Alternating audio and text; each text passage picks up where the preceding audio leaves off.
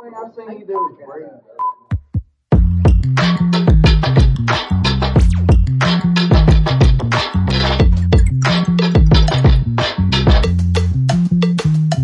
De staat van het verhaal.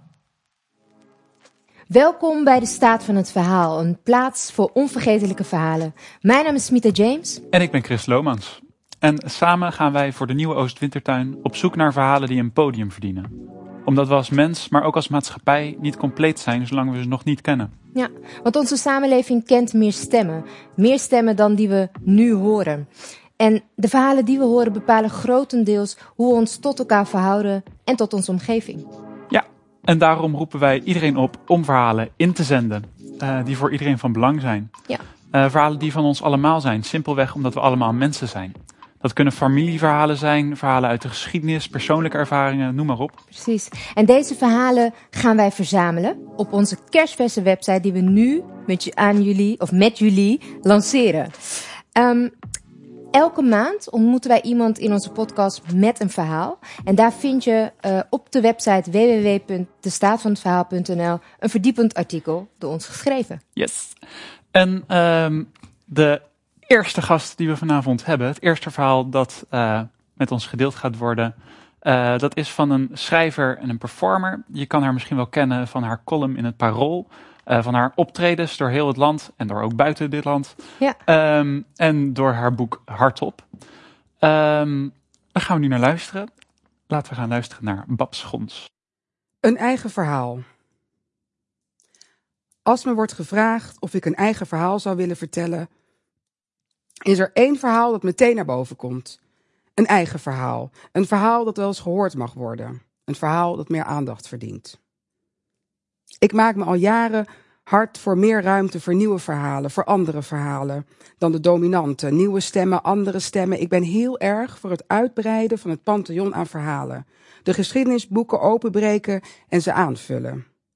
Hoe ouder ik word, hoe meer ik mij bewust van word welke verhalen schitteren door afwezigheid, of nog straffer geformuleerd, me, ons, zijn onthouden. Ik heb me moeten voeden met halve verhalen, met kwartjes waarheid, met gebeurtenissen die niet compleet zijn. Het is alsof je naar de horizon kijkt met een afgeplakt oog, of luistert naar een monovertelling van de geschiedenis. Toen laatst, na zoveel jaren, de verzwegen werkelijkheid van de val van Srebrenica boven tafel kwam en ons steeds meer verhalen bereikte over genocide, werd weer eens pijnlijk duidelijk hoe de waarheid het slachtoffer is. 25 jaar na dato worden door de persoonlijke verhalen van Bosniërs in Nederland de gevolgen hiervan duidelijk. In een campagne van afgelopen jaar, waarin jonge Bosniërs aan het woord kwamen, las ik: Srebrenica is Nederlandse geschiedenis.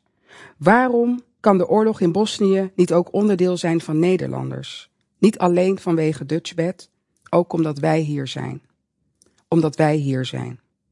Ik denk dat velen het er in deze tijd mee eens zijn dat we er belang bij hebben dat er ruimte komt voor nieuwe verhalen, voor andere stemmen. Het is, het is zelfs een beetje modieus in deze tijd. Ja, roepen we, nieuwe verhalen, andere stemmen. Ja, ja, ja, kom maar door.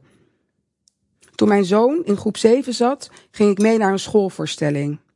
En drie minuten na aanvang kon ik al niet geloven wat ik zag. Het ene vooroordeel na het andere bevolkte het toneel. Afrikanen waren mensen met botjes door de neus, bloot dansend rondom, rondom het vuur. En dat beeld werd nog eens versterkt door dia's die geprojecteerd werden van gezichten met woeste maskers en verfstrepen. Vervolgens kwam er een Italiaanse familie op het toneel en die waren van de maffia. Op weg naar huis zei ik tegen mijn zoon: Je weet hopelijk wel dat er in Afrika, wat trouwens bestaat uit 54 landen, ook mensen zijn die niet kunnen dansen. En die in een pak naar kantoor gaan, toch? En er zijn ook vegetariërs en administratief medewerkers en tandartsen. Ja, mam, antwoordde hij. Natuurlijk weet ik dat. Oké, en, niet alle en niet alle Italianen zijn mafiosi, maakte hij mijn zin af.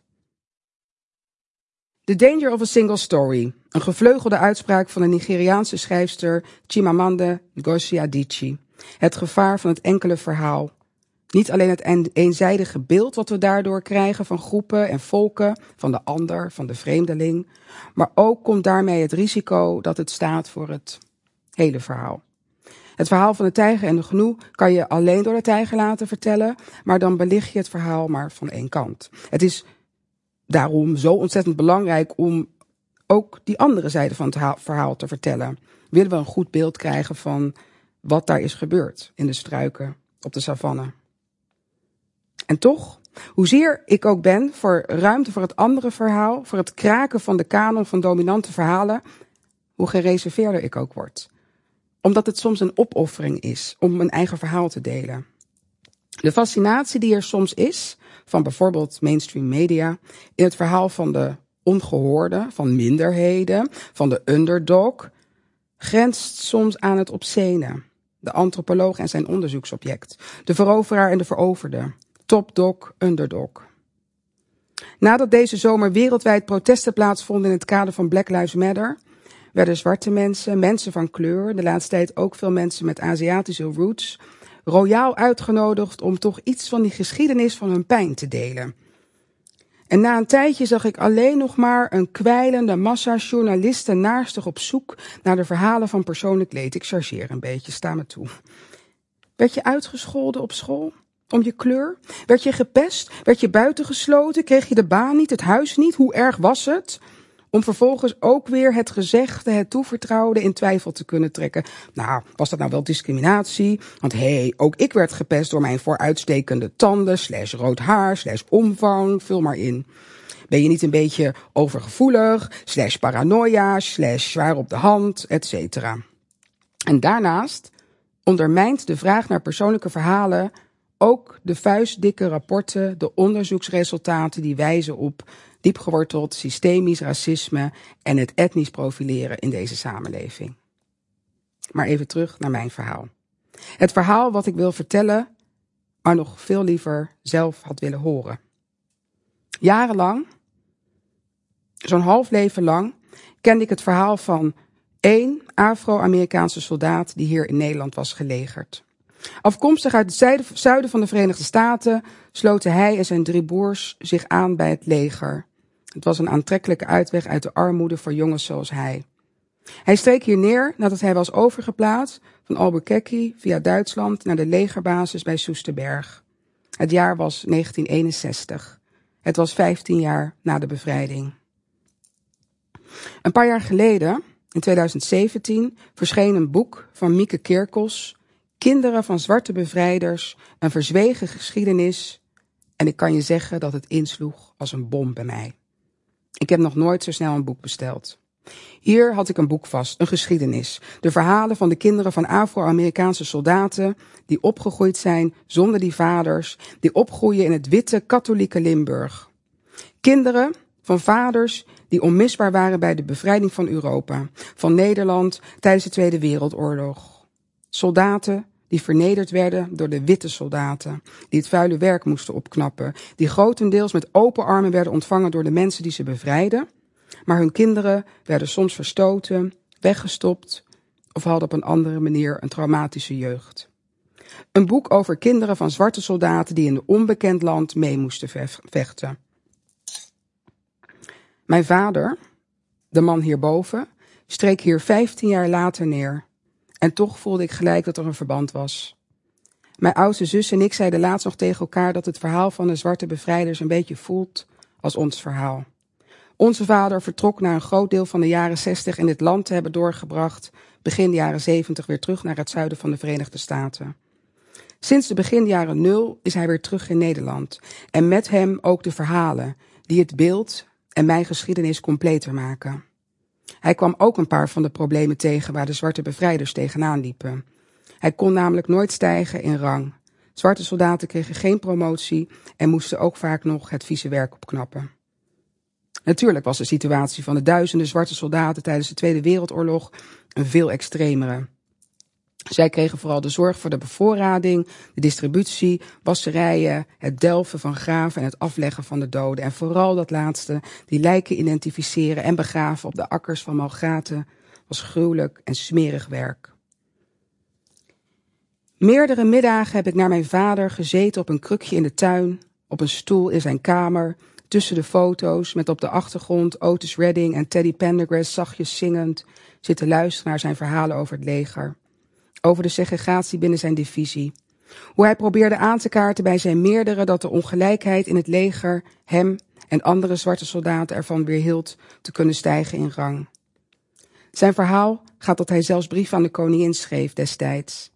Het leverde hem alleen maar repercussies en sabotage op. En uiteindelijk is hij op een dag de legerbasis uitgelopen en nooit meer teruggegaan. En ook buiten het leger had hij het niet makkelijk in de jaren in Nederland als zwarte Amerikaan. Zijn anekdotes zitten vol met racistische voorvallen. Wat nou als ik dit verhaal had gehoord? Het verhaal van de miljoen zwarte soldaten die Europa hebben helpen bevrijden toen ik opgroeide als een klein donker meisje in een witte omgeving.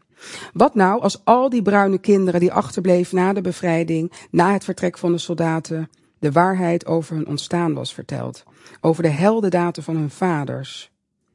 Ik denk terug aan de middelbare school en alle boeken die ik heb gelezen over de Tweede Wereldoorlog, de aanslag, de donkere kamer van Damocles, het bittere kruid, kinderjaren, etc. Maar nergens werd er melding gemaakt van zwarte soldaten.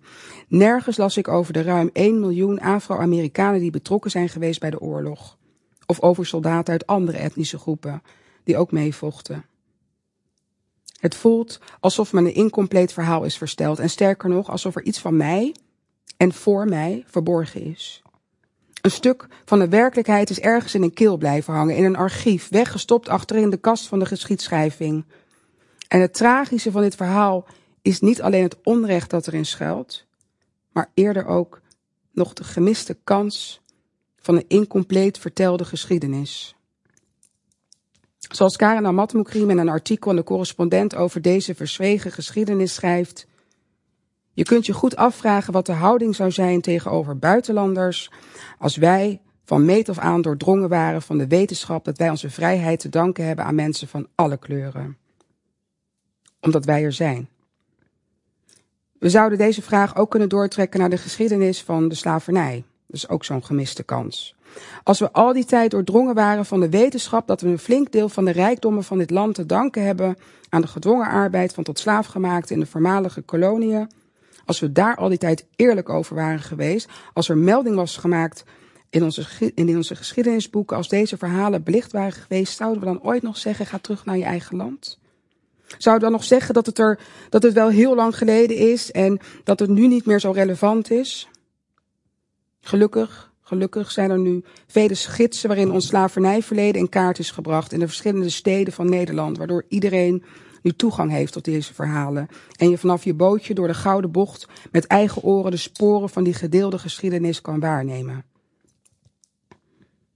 Alles wat we zijn is verhalen. We komen als verhaal, we gaan weer als verhaal. Maar we zijn ook vaak het verhaal achter het verhaal. Maar als we niet allemaal in dat ene verhaal passen, wie zijn we dan? En hoe kunnen we onze verbondenheid erkennen als sommigen van ons buiten het verhaal worden gelaten? Hoe kunnen we dan zorgen dat we de lelijke passages uit de geschiedenis niet herhalen en een betere, inclusievere wereld krijgen? En kunnen blijven streven naar een, radicale gelijkwaardigheid en een betere verdeling van verhalen, van stemmen? Maya Angelou zei ooit: Er is geen grotere pijn dan een onverteld verhaal mee te dragen. Ik denk dat deze wereld heeft als er geen ruimte wordt gemaakt voor andere verhalen, voor andere stemmen, stemmen die niet gehoord zijn, narratieven die onderbelicht zijn gebleven. Als verhalen verzwegen blijven. En meer en meer beginnen de verborgen stukken van mijn verhaal een stem te krijgen. Ik zal nog heel wat middagen op krukjes doorbrengen, luisterend naar mijn vader, luisterend naar de verhalen van voorouders, om het verhaal completer te krijgen, om het te kunnen doorvertellen en om het toe te voegen aan het verhaal van de wereld. Omdat wij er zijn, omdat ik er ben. Hoi, Babs. Zo, hallo. Yes. Je bent er. Fijn. Ik ben er, ja. En dank je voor je verhaal net. Supermooi. Ja, Supermooi. graag gedaan. Ja.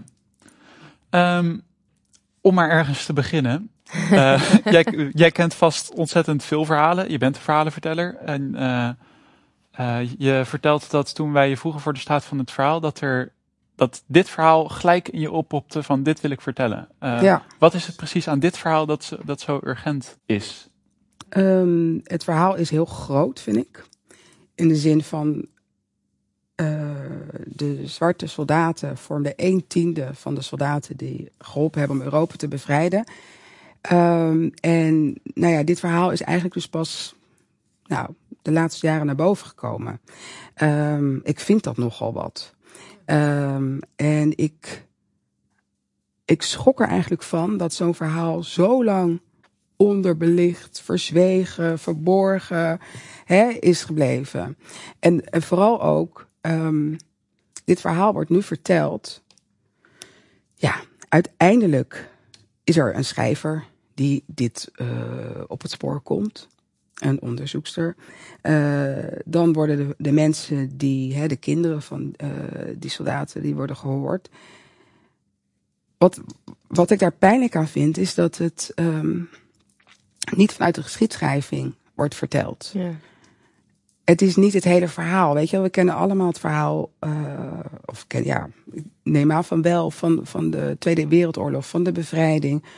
Um, ik vind het, ik vind het ongelooflijk dat er nog verhalen, uh, dat, dat, er dingen niet verteld zijn daarbij. En nu pas. En ja, precies. niet alleen dat, maar ook het belang daarvan. Hè? Nou ja, die vraag die uh, ik ook aanhaalde van wat nou als, Ja. weet je Mhm. wel. Um, ik vind dat heel groot. Dus Ja. ja. ja, Ja. En ja, ook de reden waarom is omdat ik daar heel erg aanhaakte. Ja. Uh, en me toch op een of andere manier heel erg verwant voel met dat verhaal. Ja, Ja, ja, precies. je, je zei ook van wat nou als ik, ik het zelf had gehoord uh, Ja, toen jij Ja. jong was. Ja. ja. Ik denk dat heel vaak als ik zo'n verhaal had gehoord, als ik dat boek had gelezen, als ik uh, zelfs als ik deze muziek had gekend of zo, Ja. weet je wel, dat je toch echt denkt. Um, maar. ja, je wil, hè, ik heb zelf een kind en ik wil dat hij zo compleet mogelijk opgroeit. Hoe Ja. wat dat Ja. ook betekent, maar dat betekent wel ook dat hij toegang heeft tot heel veel verhalen, Ja. uh, waardoor je hem eigenlijk, waardoor hij de hele wereld heeft, weet je wel. Ja. En ik bedoel, ik vind het ook bizar om, om televisie te kijken.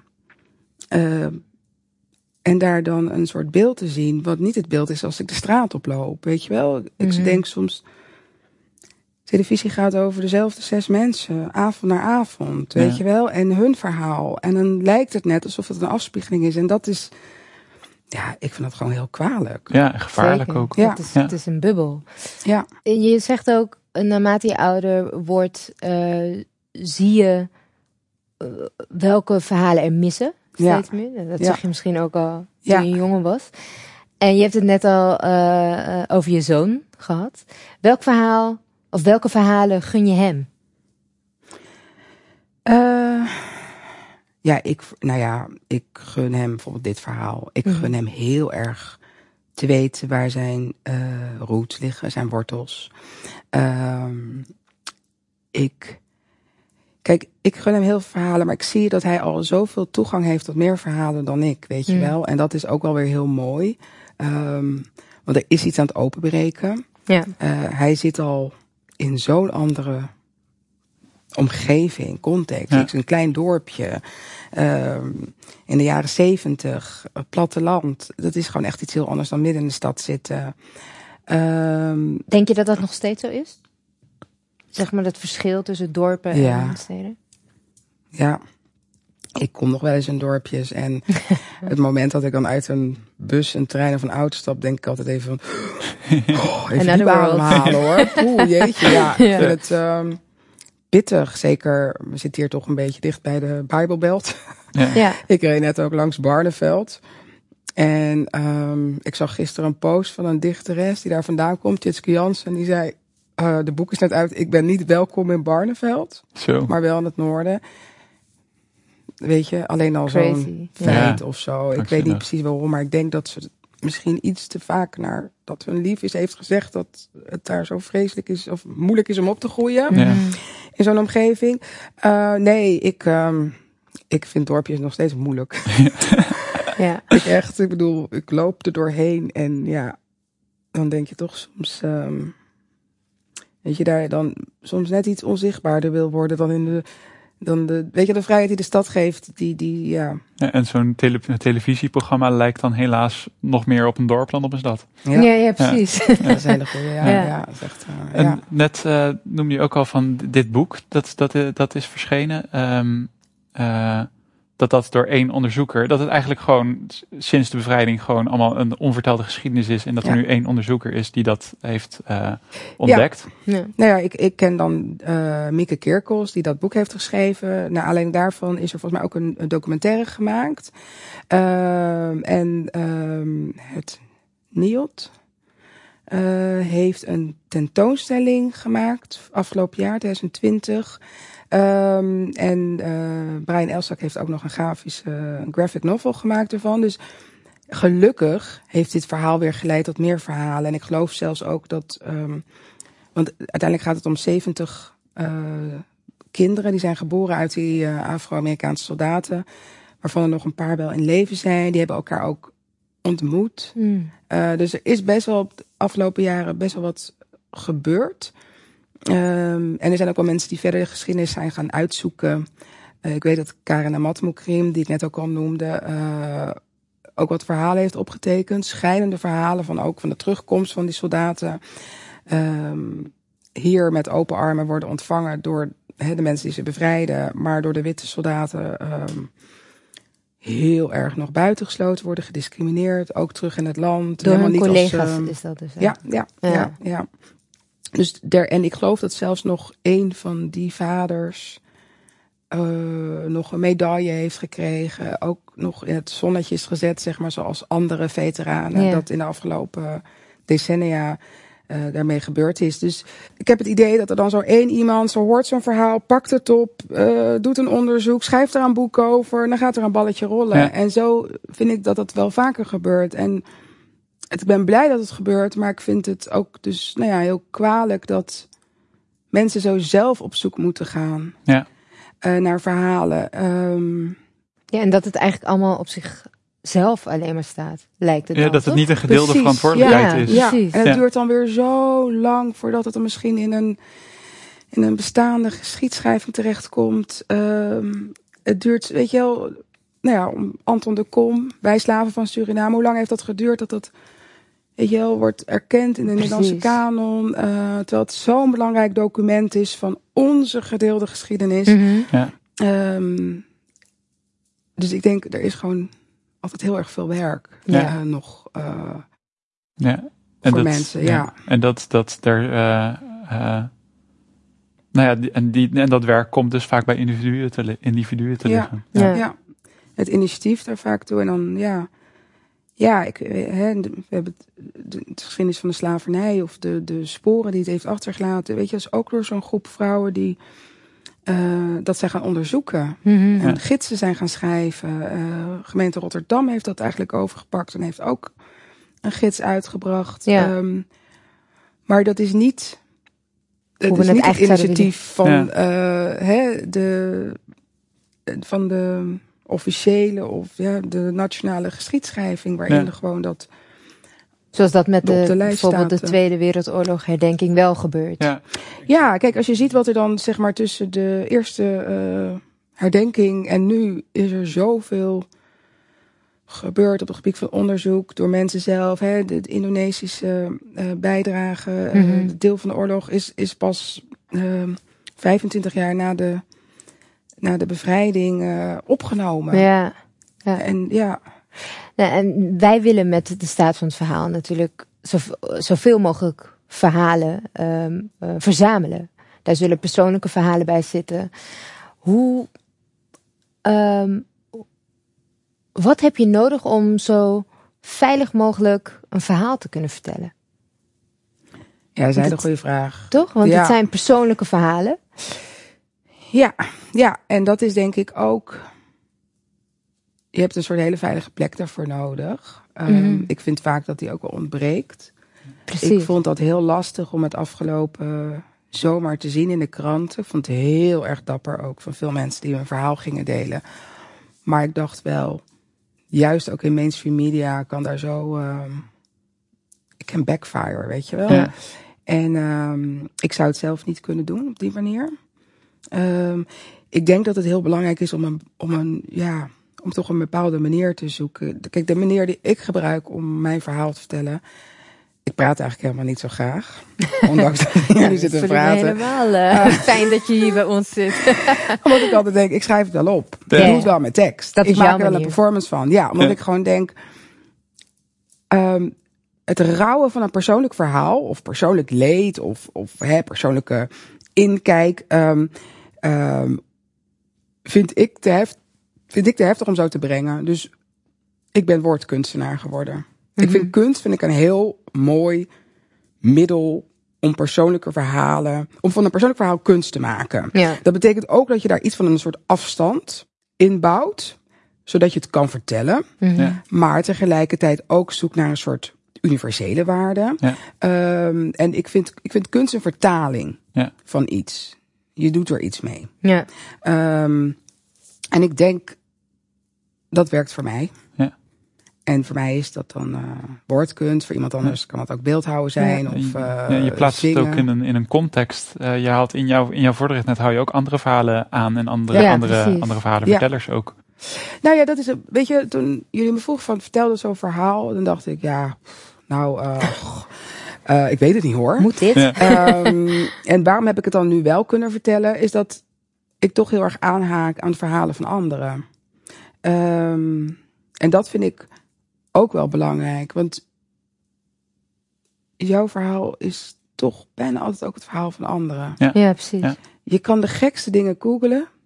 En 1733 mensen hebben het precies hetzelfde meegemaakt. Ja. Weet je wel? Dus, dus ik denk dat het ook heel belangrijk is. Of ja, belangrijk. Ik vind het fijn om dan op zoek te gaan naar hè, gedeelde verhalen. Mhm. Ja. Want daar gaat het uiteindelijk om, ook om. Ook met al deze grootse verhalen. Het is onderdeel van ons allemaal, zo'n verhaal. Het is, het is onderdeel van de geschiedenis. Het is een gedeelde geschiedenis. Ehm, en het lukt mij dan veel beter, of ik vind het dan relevant, omdat ik mezelf nooit los zie van andere verhalen. Ik zie mezelf nooit los van andere mensen. Dus ik wil ook het verhaal vertellen.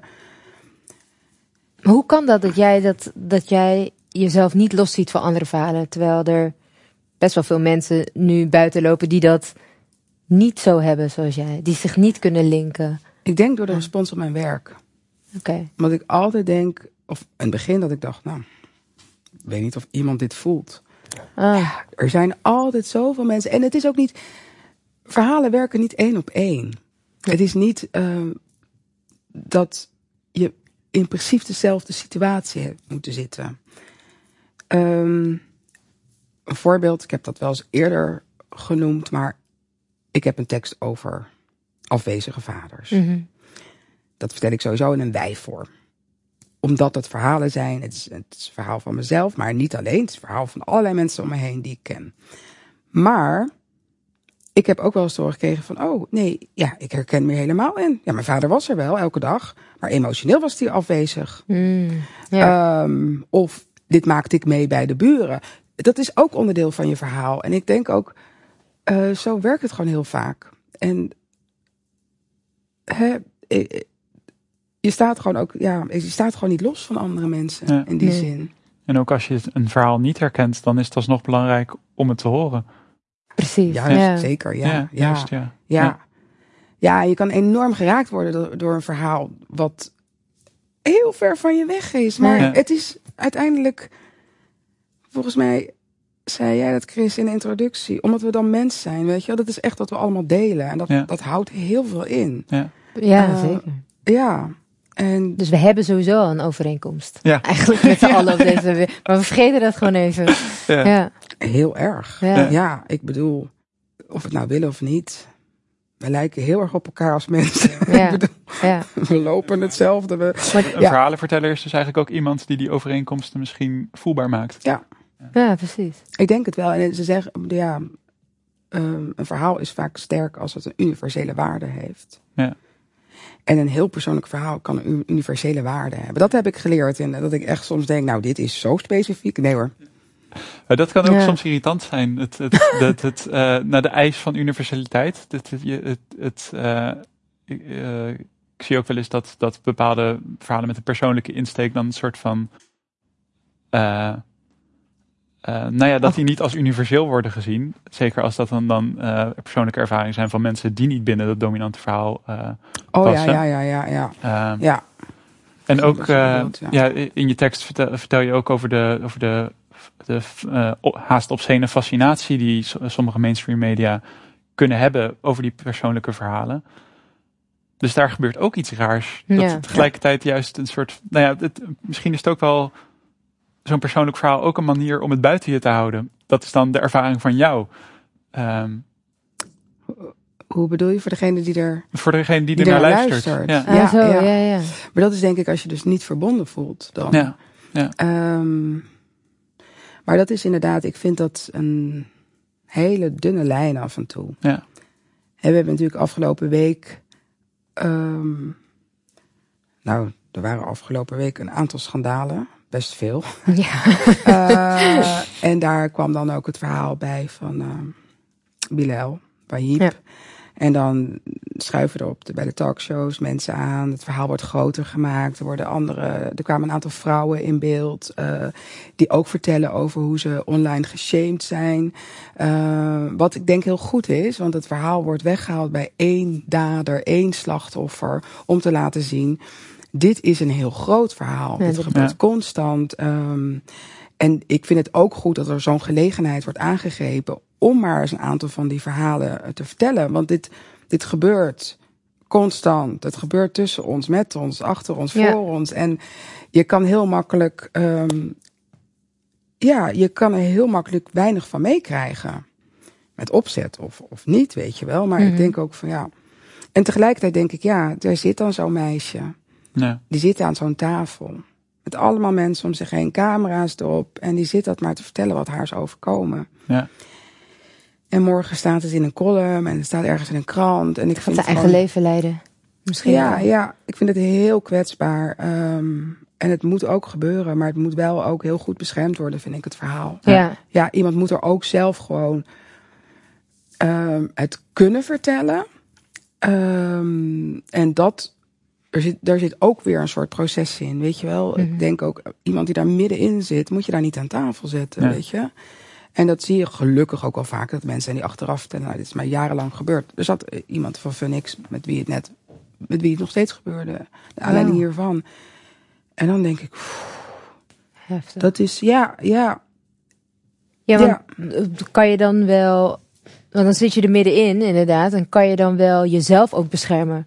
Bedoel je dat daarmee? Van, ja. ja, Ja, maar word je ook goed beschermd door degene die jou vraagt om dat verhaal te vertellen? ja, Ehm, is er dan ook een beetje begeleiding? Is er dan ook wat nazorg? Is er dan wie vangt het op precies. Ja. als daarna Ja, haat komt? Ja. eh, want de reacties komen er. de Dat, kennen we nu wel met het één eh, digitale ja. tijdperk. En daar hoef ja. je niet zoveel voor te doen. Nee, precies. Ehm, en daar moet je ook wel mee om kunnen gaan. Of daar moet je ook voor afgesloten kunnen worden. Belangrijk. Ja, En in hoe zo'n verhaal dan ook geframed wordt, kan het soms ook. eh, iemand kan ook heel snel die ervaring worden. Ja. Eh, Ja. ja, en dat is dan... Ja, dan ben je dat verhaal. Maar al die 67 andere dingen die je ook bent en doet worden. Ja, nee, dat is heel. Ik denk dat dat, dat, dat, dat is. Ja, dat grenst natuurlijk wel heel erg aan, ehm, aan schaamte. En ehm, ja, dat toch heel veel mensen niet op die manier in beeld willen en daardoor geframed worden. Ja. Ik denk dat het zeker zo is met eh, slachtoffers van ehm, seksueel geweld eh, en huiselijk geweld en zo. De schaamte die daar is. eh, Mhm. ja. Ja. Maar dan denk ik ook weer van ja, is het nodig dat al die mensen. Is het nodig überhaupt om die persoonlijke verhalen te vertellen, zodat mensen daar een beeld van bij kunnen krijgen? Eh, terwijl er al genoeg is. En je wil ook gewoon dat mensen eh, weten dat dit gebeurt. Precies. Dat er cijfers zijn. Hè? Dat er aantallen zijn. eh, dat dit al zo vaak naar boven is gekomen. En dat is, ik kan me daar af en toe een beetje kwaad maken. Ik denk van. Ja. Kijk, aan de ene kant denk ik van zodra dingen een, een smoel krijgen, een gezicht krijgen, benen, voeten, armen, dat het, al- dat het gewoon veel meer gaat leven. Ja. Ja. En tegelijkertijd moet je daar gewoon voorzichtig mee zijn. Ehm, om maar constant te voldoen aan die behoeften van, van, van media en journalisten om zo'n zo'n verhaal daar neer te pennen. Ja, er moet daar gewoon een goede balans tussen zitten, Ja. Mhm. zeg maar. Ja. Wiens verantwoordelijkheid is dat, denk je, om, om de juiste verhalen te vertellen? Ja, dat is een hele brede vraag in Ja. die zin. Ehm ligt eraan vanaf, ja. Het is voor iedereen eigenlijk kijken, van, oké, welk verhaal Ja. ligt er op tafel? Welke... Je, Gewoon ik denk dat verhalen vertellen ook heel breed kan zijn. Bijvoorbeeld jij, eh, wat jij ook vertelde met, eh, in, je, in je voordracht over je zoontje, dat je hem bepaalde verhalen probeert te, te, eh, mee te geven. Me- Dat, ja. dat is ook verhalen vertellen. Ik denk dat iedereen Zeker. daar wel een Ja. verantwoordelijkheid Daar hoef je geen verhalen vertellen voor te zijn. Precies, dan. ja. Nee, en ook, ja, ehm, vertel je dit verhaal, dan vertel je dat verhaal misschien niet. Weet je wel? Het is ook denk ik van, als, nou, zeg als autoriteit, hè, dat kan dan, eh, nou ja, officieel historisch schietschrijving of wat dan ook zijn. Dan heb je, vind ik, een verantwoordelijkheid om wel, nou, het hele verhaal zo Ja. goed mogelijk te vertellen. Ja. En niet de eenzijdige geschiedenis. Ja, wat precies. natuurlijk heel vaak gebeurt. Omdat gewoon heel vaak mensen nog niet eens weten. Ehm, nou, laatst was er zo'n voorval dat er iemand met een ehm, indigenous eh, achtergrond in Amerika in het congres in Californië zat. Mhm. En dat er dan op social media werd gezet, is dat wel een Amerikaan? Oeh. Want, hè, het was dan een, Na- een Navajo, een, een- ik weet niet hoe je zegt in het Nederlands, maar een Navajo. Ja. En dan denk ik van, oké, er wonen dus heel veel mensen in Amerika, dus die niet weten wie de oorspronkelijke, oorspronkelijke bewoners van dit land zijn. Crazy. Maar vraagtekens bij worden gezet, ja, is dat wel een echte. Amerikaan? Oh. Ja. Ik bedoel, dan is er dus een gebrek aan een goed verhaal Ja. in de nationale, het nationale verhaal. Ja. Ehm, ja, wiens verantwoordelijkheid is dat? Dat kan ik dan, weet je, dat is heel duidelijk Ja. in die zin. Eh, dat heb je natuurlijk ook met, ehm, nou, zoals mensen de Aboriginals noemen in Australië ehm, en in eh, de Maori's in Nieuw-Zeeland. Ik bedoel, dit stond er ook niet meteen eh, in de nationale geschiedschrijving in de boeken of zo. Mensen Nee. hebben er echt voor moeten vechten om dat verhaal ook opgenomen te krijgen. En daardoor, ja, dan leef je dus in een, in een incompleet verhaal. Ja. Precies. Wat allerlei misverstanden en onrecht ehm, ten gevolge heeft. Ja. Ja. Dat is misschien ook wel een bruggetje naar onze volgende vraag. Ja, want je, jij zegt heel mooi. eh, ik denk dat de wereld pijn heeft als er geen ruimte wordt gemaakt voor andere verhalen. ja. Ehm, daarmee zeg je eigenlijk dat het de wereld is die die pijn Ja, ervaart. ja. Kan ja, ik denk, nou, kijk, ik denk sowieso dat de wereld heel, heel veel pijn heeft momenteel. Maar ik denk dat. Ja, ik moet altijd denken aan bijvoorbeeld het nummer van Solomon Burke. Hè, van eh, None of us are free of one of us is in chains. Hmm. Ehm, en ja, ik denk gewoon, als het gewoon ergens niet goed gaat, dan gaat het met ons allemaal niet goed, Ja. weet je wel. En dat is natuurlijk gewoon niet, dat is niet naar te leven op een dagelijkse basis, maar wel als, als, als, als volk. Hè? We zijn gewoon één volk. En ik denk gewoon, als er misstanden zijn, groepen niet worden gehoord, worden verzwegen, onderdrukt. Hoe kan je daar dan lekker doorheen huppelen en denken van, weet je wat, alles in mijn leven is goed. Gaat goed, Ja. ja. Hè, dat kan niet. Dat doet pijn. Dat klopt niet. Weet je wel, Ehm, ergens geloof ik dat wij gewoon met z'n allen eh, dat allemaal als, een, als één volk moeten voelen, moeten dragen en Mhm. zo. En in die zin denk ik gewoon. Ik denk ook dat we, we zijn ook wel heel veel mensen die zich misschien daarvan loskoppelen. Ik gaf dat in ons voorgesprek als voorbeeld dat eh, bijvoorbeeld Sunny Bergman vraagt volgens mij meteen in het begin van haar documentaire Wit is ook een kleur gaat ze naar eh, witte mensen die in een bootje zitten of zo en zeggen hoe goed zijn jullie geïntegreerd? En die mensen hebben zoiets van wij? Wij hoeven dat niet. Ja, ik vind het en dat is natuurlijk een heel interessante vraag.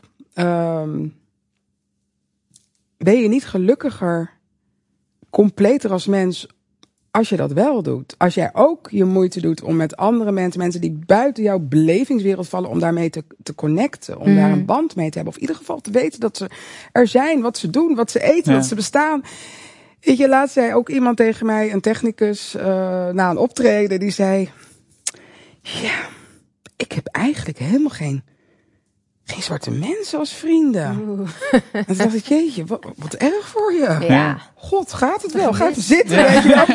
Dan denk ik, ja, maar dat is wel... Hij, hij legt het een beetje neer als een probleem. En ik dacht, ja, dat, dat is ook wel een beetje... Het is een beetje, het is pover. Het is een beetje armoede. Ja. En het is niet dat. Het zal in sommige dorpjes misschien heel moeilijk zijn om een heel erg gevarieerd ehm, omgeving te hebben. Maar Ja. het gaat er wel om dat als je midden in Amsterdam woont en, en, en je, je. Dat zijn eigenlijk, weet je wel, we zijn allemaal verhalen. Als je dan die verhalen helemaal niet kent, terwijl je er wel elke dag langs loopt, terwijl je er wel misschien eten koopt, terwijl je misschien wel Oogcontact meemaakt of zo. Precies, Ja. de wereld mee deelt, maar elkaar niet kent. En ik denk, ja, het belang van, van het kennen van elkaars verhaal, ja, dat, dat, het leidt alleen maar naar begrip. Ja. Ja. Het, het Ja. leidt naar begrip. En begrip leidt ook weer naar barmhartigheid en liefde en zo. En ik, ik zweer het, als je het verhaal van iemand kent waarvan je misschien alleen maar dacht al die tijd van, eh, nou, dat eh, een beetje stinkende, morsige man die daar woont. En op Hmm. een dag zit hij te vertellen en dan vertelt hij over zijn moeder en over zijn jeugd. En dan, dan groeit dat hart en dan opent dat en dan krijg je sympathie. En. Ja. It never fails. Ja, Ja. behalve bij Ted Bundy misschien en andere massamoordenaars. Maar dat zijn gewoon de extreme gevallen. Maar ja, it kind of never fails. Echt, Ja. weet je wel. Het verhaal kennen. Ik- Het is, het is zo makkelijk om je af te sluiten. Ik doe het ook. Ja. Ik ga soms door de wereld en ik denk... Ik heb er even nu geen tijd en geen ruimte voor. En op het moment dat ik dat wel heb, dan... Ja, ik schrijf dan elke week een column voor het Parool. En eigenlijk is het enige wat ik daarvoor doe... is alles openen, alle zintuigen die ik heb. Zelfs waarvan ik niet eens wist dat ik ze had. En dan... ehm, dat klinkt heel anders dan ik bedoelde. ik bedoelde meer, je gaat een soort extra zintuigen ontwikkelen. Omdat je gewoon... Ik ben bezig met, met te luisteren naar verhalen. Ja. Ik ben aan het kijken van eh, hoe, hoe, hoe ontmoeten we elkaar? Wat is het gedrag? Eh, en dat is zo.